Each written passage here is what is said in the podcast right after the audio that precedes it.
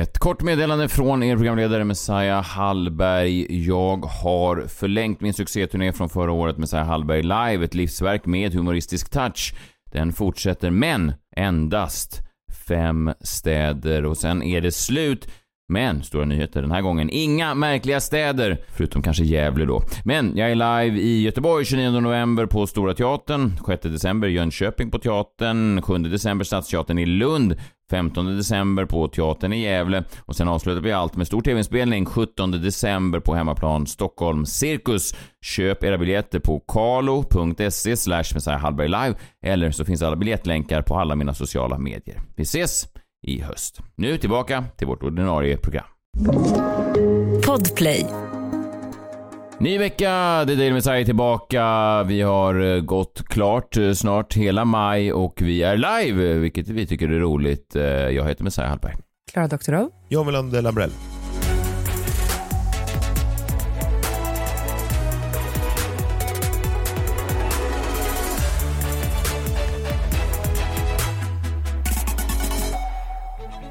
God morgon på er. Ny vecka och eh, jag vet inte hur ni känner för sommaren men det är ju redan nu att de säger att, jag vet inte hur det här är möjligt, men de säger ju då, jag vet inte om ni har läst det här, de säger att den här sommaren som kommer nu 2023 ska kunna tangera rekordsommaren 2018 som var den varmaste sommaren i Sverige på 114 år och sånt där.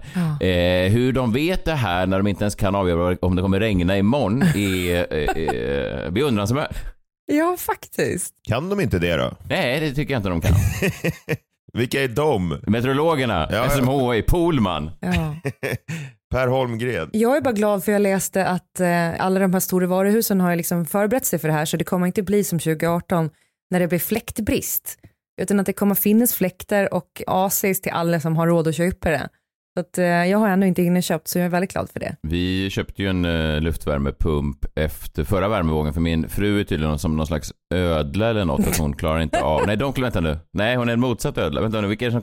De gillar värme, va? ödlor. Ja, ja, de tål Ja, allt. hon hatar tydligen värme, så hon ligger alltså alltid på soffan då. Det är i direkt blåsriktning från vår AC.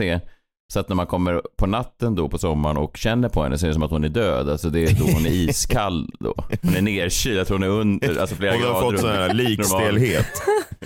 ja, men då trivs hon tydligen för hon kan, värme klarar hon inte. Alltså det räcker att det är så 14 grader och sol så kan hon inte sova. Jag vet inte om det har med, om det är någon åldersrelaterad grej eller Ja, någonting. jag, Men tror, det är alltså, ju, jag undrar det också, för min man är likadan. Han blir liksom tokig när det går över 18 grader i temperatur.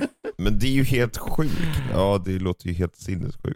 Nej, så vi är rustade i alla fall för en varm sommar. Hoppas den bara kommer nu, för vi har tänkt stanna i Sverige första gången på 15 år, så att vi, alltså hela sommaren. Så vi hoppas att det blir så. Vilket härligt land det är att befinna sig i Let's Dance-finalen. Det var ingen som såg den kanske, men, men den avgjordes i alla fall i helgen och vi får gratulera Hampus Hedström, denna vidlyftiga unge eh, her- herre som, som är både söt och kan dansa. Grattis! Mm. Ja, verkligen. Jag har ingen relation till honom förutom att vi ligger på samma bokningsbolag. Det säger ingenting längre för Ni är båda komiker. det är väl säkert, jag vet inte. Det är sån jävla bred, det är som alla är journalister som när Emanuel Karlsten hittade på för 15 år sedan. Nu är alla komiker. Men, men vi ligger på samma komikerbolag, vilket inte innebär så mycket längre. För att när jag började på det här bolaget så var det bara ståuppkomiker liksom som var där. Plötsligt så var man på någon sån firmafest och så var så här Tina Nordström och eh, jag vet inte fan vad finns det för kändisar? Men du vet såhär Pappa Di och, nej, men det var jävla märkligt. Aktuellt namn. komiker? I alla fall, min enda relation till Hampus Hedström det var att när jag hade min största kväll i karriären dittills till dags dato, när jag hade två utsålda shower på Cirkus 2019, så tittade jag mig i salongen om efter min, min agentur då och så dök de inte upp. Och sen efteråt då fick jag ett sms och skrev de “Sorry, sorry, vi var tvungna att gå på Hampus Hedström som gjorde debut på Norra Brunn ikväll." Ja. Och då fattar man ju att de såg någonting i honom och nu då fem år senare eller vad det är så vann han i Let's Dance. Så det var de, Nu får de det var, de gjorde väl rätt val den kvällen. I övrigt i helgen så var eh, jag och John på eh, wrestling, vi var på svensk wrestling för jag är just nu med i något slags kulturprogram där de filmar mig och följer med mig lite vad jag, mina kulturintressen och då fick de höra att jag gillar wrestling, vilket alla människor är väldigt intresserade av i Sverige för att det ses ju som så jävla freaky, alltså det känns som, det ses ju som något sånt nästan ett sjukt intresse så. Och så försökte jag motarbeta det här. Jag försökte säga, jag tror att det är svårt att spegla wrestling för att det framstår det är svårt att beskriva varför man gillar och man inte gillar och så. Eh, nej men det blir kul i alla fall och så eh, gick vi då på svensk wrestling och då tog jag med mig John för att ha någon där som jag kunde diskutera lite med. Och jag vet ju hur det kommer klippas det här nu. Det kommer klippas med att jag sitter så eh, med pannan i djupa veck innan och ser eh, bekymrad ut och pratar om det kulturella värdet av wrestling och att det handlar om eh, drama och att det är som livet är stort och det handlar om liv och död och gott och ont och mörker och ljus. Och sen kommer de korsklippa det till då bilder på den här svenska wrestlingshowen vi var på där det fanns folk i publiken som såg ut som Kom och hjälp mig. jag tror inte jag börjar ångra att jag ens uh, gick med på att ha det med i programmet för att Vissa, det var en lite konstig crowd för väldigt många såg ut som din man Kjell också Klara. Det var, jag var helt så... övertygad om att det var Kjell. Ja men det var många som såg ut som Kjell, säkert 80 Kjell i lokalen. Alltså du vet så... Art directors. Art, art directors med så lite sexig skäggstubb och, och, ett par moderiktiga glasögon och kanske, det var speciellt. Ja då vet jag var jag ska gå om Kjell dör eller någonting sånt där. Då kommer jag kunna hitta en ny där på wrestling. Svensk wrestling. Ja, verkligen. Jag som John sa, jag såg ut som hela eh, Spin-galans jurygrupp hade haft. Spin Awards. ja.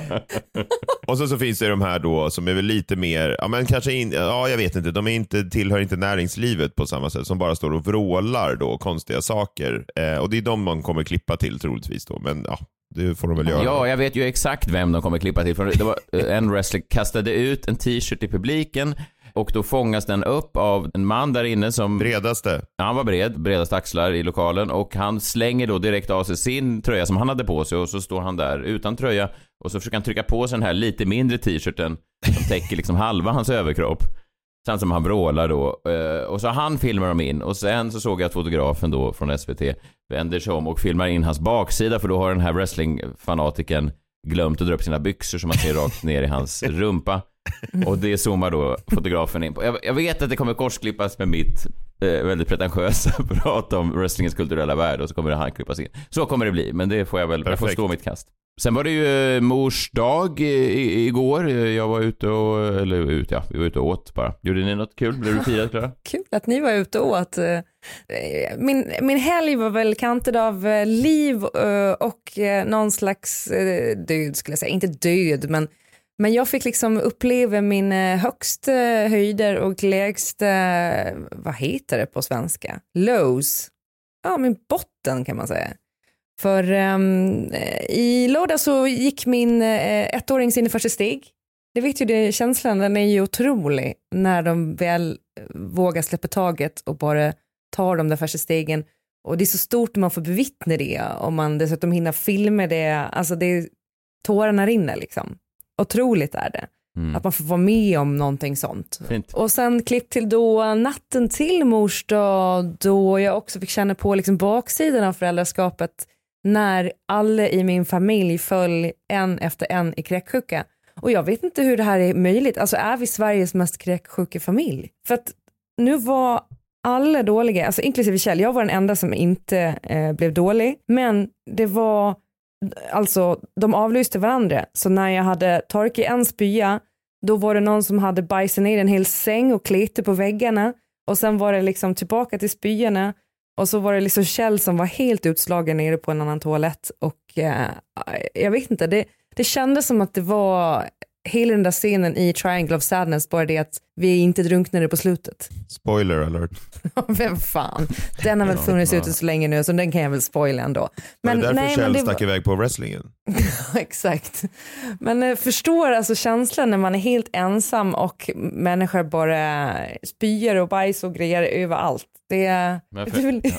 Vi, vi, får be om ursäkt om folk äter frukost här nu. Men, ja, fan men, förlåt. Jag måste bara få prata om mig för att det är... Vi förstår vad kräksjukan det är. Det var hemskt.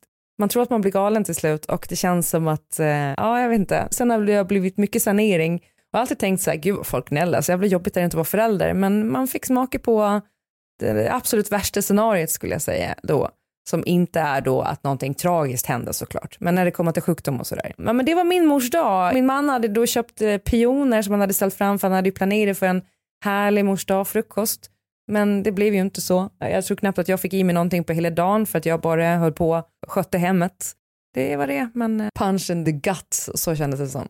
Verkligen. Ja, men du får ett uh, stort grattis här från mig och John i alla fall. Grattis. grattis, grattis.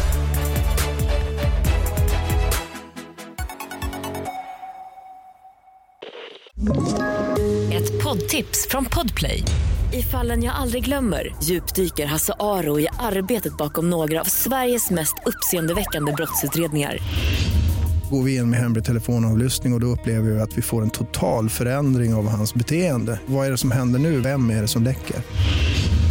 Och så säger han att jag är kriminell, jag har varit kriminell i hela mitt liv men att mörda ett barn, där går min gräns. Nya säsongen av Fallen jag aldrig glömmer på Podplay.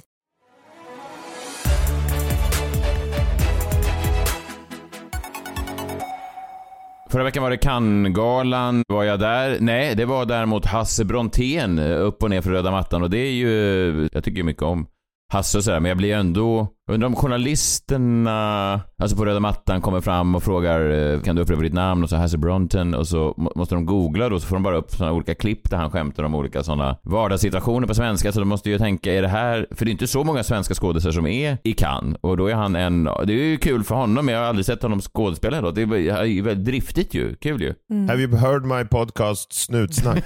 ja men ja.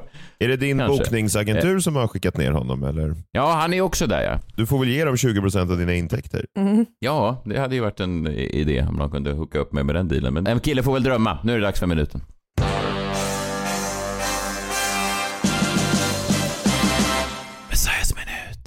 Jag är eh, intresserad av eh, en serie som har premiär på HBO om exakt en vecka. Den heter The Idol och den är, eh, ja det var väl eh, Cannes-galans mest omtalade serie.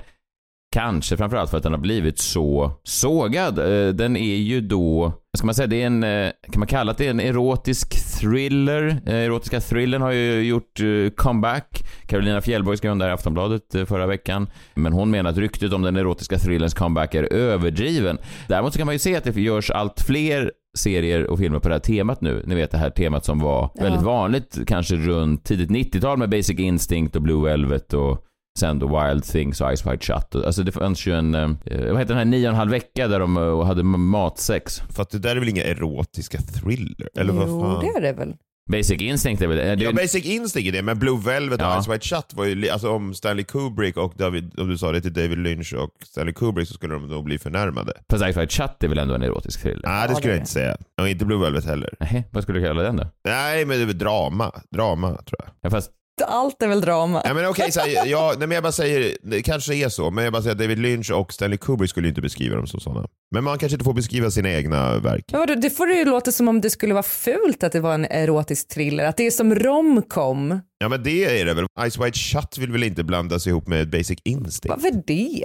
Det är väl en Här står klassiker? Uh, Ice White Shut is an erotic mystical psychological drama film. It's a drama film.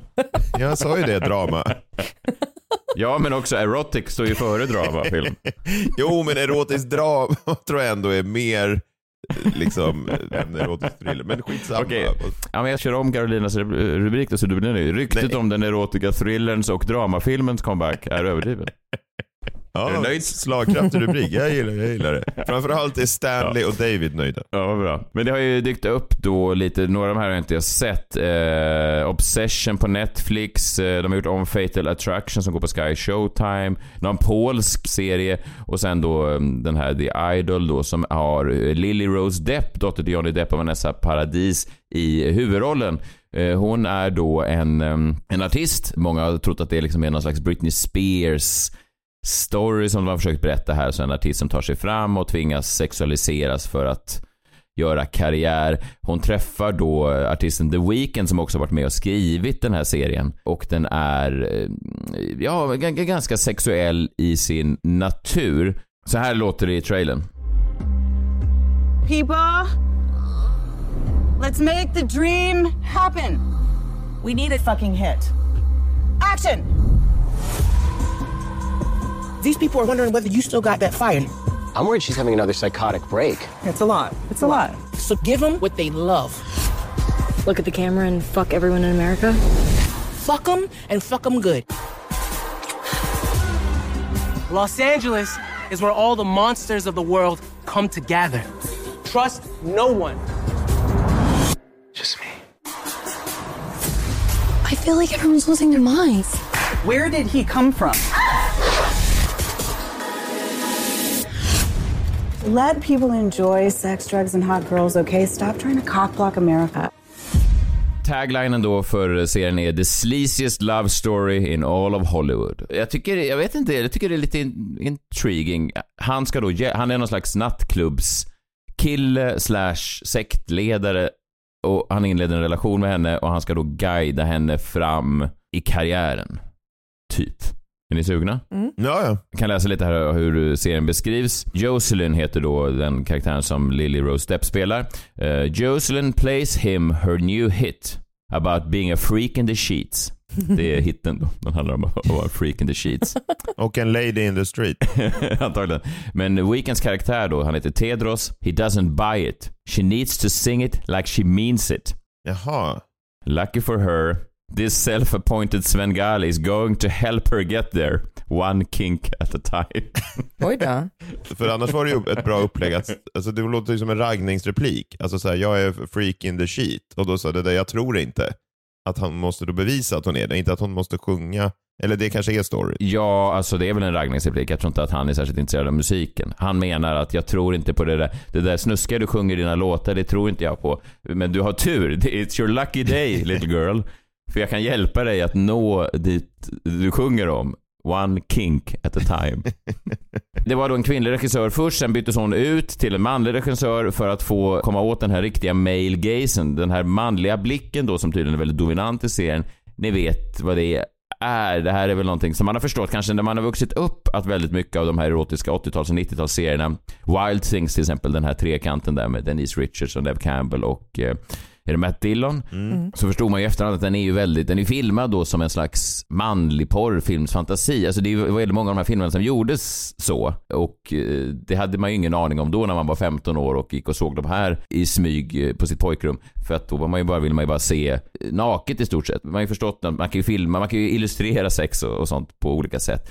Och den här serien är då väldigt tydligen som det var då. Mm. Alltså väldigt, eh, ska man säga, de har inget genustänk i sina sexscener utan det är då, hon är så att säga en spelyta för, om man kan tänka sig att snuskiga farbröder i Hollywood tänker sig att kvinnor är. Jaha. En fantasi helt enkelt. Ja. Recensionerna har inte varit eh, särskilt bra. Rolling Stone säger The Idol är mer toxisk och mycket värre än vad du redan hört. Collider säger att Sam Levinsons, regissörens försök till chockunderhållning saknar djup.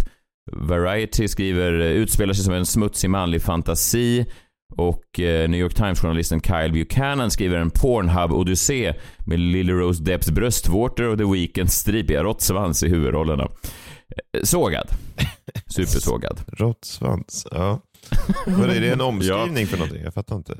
Nej, jag tror att han har en frisyr som är råttsvans. Det är inte hans Ja, penis va? Nej. Eh, Den har premiär då 5 juni i Sverige och jag måste säga någonting om det här för man tänker ju då, eller jag tror att kanske journalisterna tänker, jag vet ju inte alls om det kommer bli en succé. Men när man bara hör det skrivas om den och när den sägs vara så här eh, chockerande eller eh, grov eller sexuell i sin natur eller bakåtsträvande eller vad man nu ska säga, sunkig.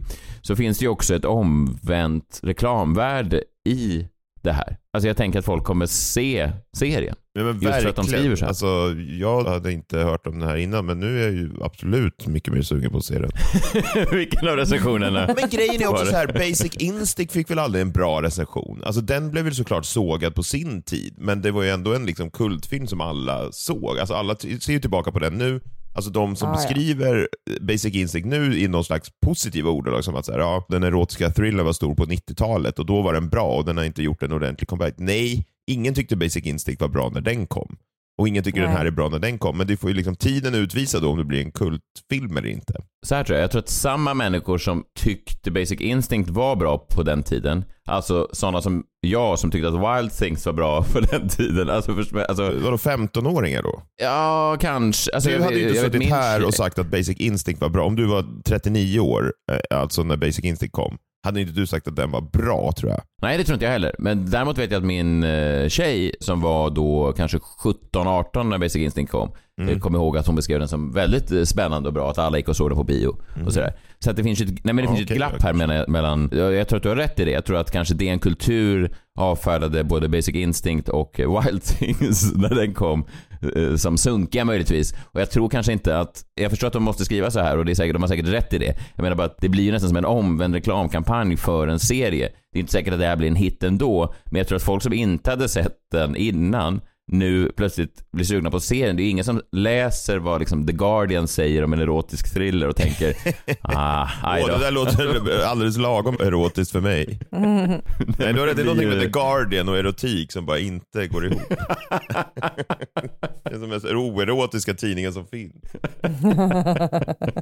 Ja, men man tänker att eh, ingen av de här kulturjournalisterna eller filmskribenterna har liksom en... Alltså de har ju säkert bra värderingar och har säkert schysst eh, samliv där hemma eller någonting. Men det känns som att just när de börjar recensera erotik och den typen av serier så är det liksom lite... De vet att frugan läser. Ja, kanske. Eller så är det frugan själv som skriver. Möjligtvis. Eh, Det är ju eh, bara fascinerande. Och jag, jag kommer se eh, säkert jättemånga. Jag kommer säkert se hela serien. Och det är möjligt att den är dålig ändå, men jag kommer ändå sitta och se den. Och kanske just för att folk är så övertygade om att den är så dålig och bakåtsträvande. Och inte annars för jag är lite nyfiken på att se hur Lily Rose Depp är som skådis. Även om de mest säger att hennes då bröstvårtor agerar i den här. Vilket är...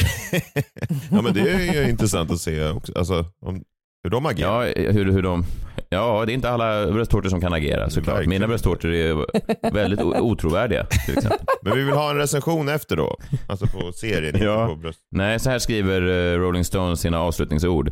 The idol has mistaken misery for profundity, stock perversity for envelope pushing, crude caricatures for sharp satire, toxicity for complexity och nipple shots for screen presence. Nipple shots for screen presence. Ah! Jag vet inte vad jag skulle välja där om jag ska vara helt ärlig. Men nipples kan väl ha screen presence i sig? Nej, tydligen inte. Det är motsatt här i eh, Rolling Stones recension. Mhm. Ja, jag vet inte, de verkar inte nöjda. Eh, Jag eh, tror att fler kommer se eh, den här än vad de tror. Och jag tror framförallt kanske att de då, om de försöker avråda folk från att se den, jobbar lite mot sitt syfte. Jag tror att The Guardian, om man nu, det är inte deras jobb heller, kanske inte det de vill, men jag tror att om Guardian verkligen skulle vilja att folk inte skulle se den, skulle de skriva eh, kanonserie. Den här har precis rätt mängd erotik med rätt blick. Rätt mängd, ja. så tror jag att eh, det hade varit så att säga eh, jobbat mer emot serien än det här som, som de nu skriver.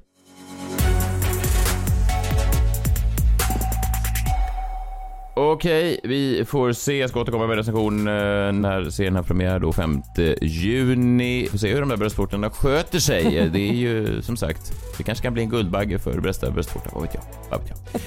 Vi hörs imorgon då. Tisdag morgon är vi tillbaka. Ta hand om er själva och varandra. Klara, krya på dig igen. Grattis på mors dag. Ja, Vi hörs imorgon. Hej. Hej. Hej!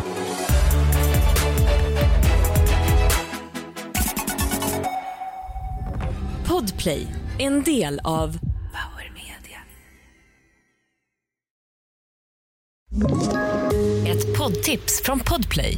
I fallen jag aldrig glömmer djupdyker Hasse Aro i arbetet bakom några av Sveriges mest uppseendeväckande brottsutredningar.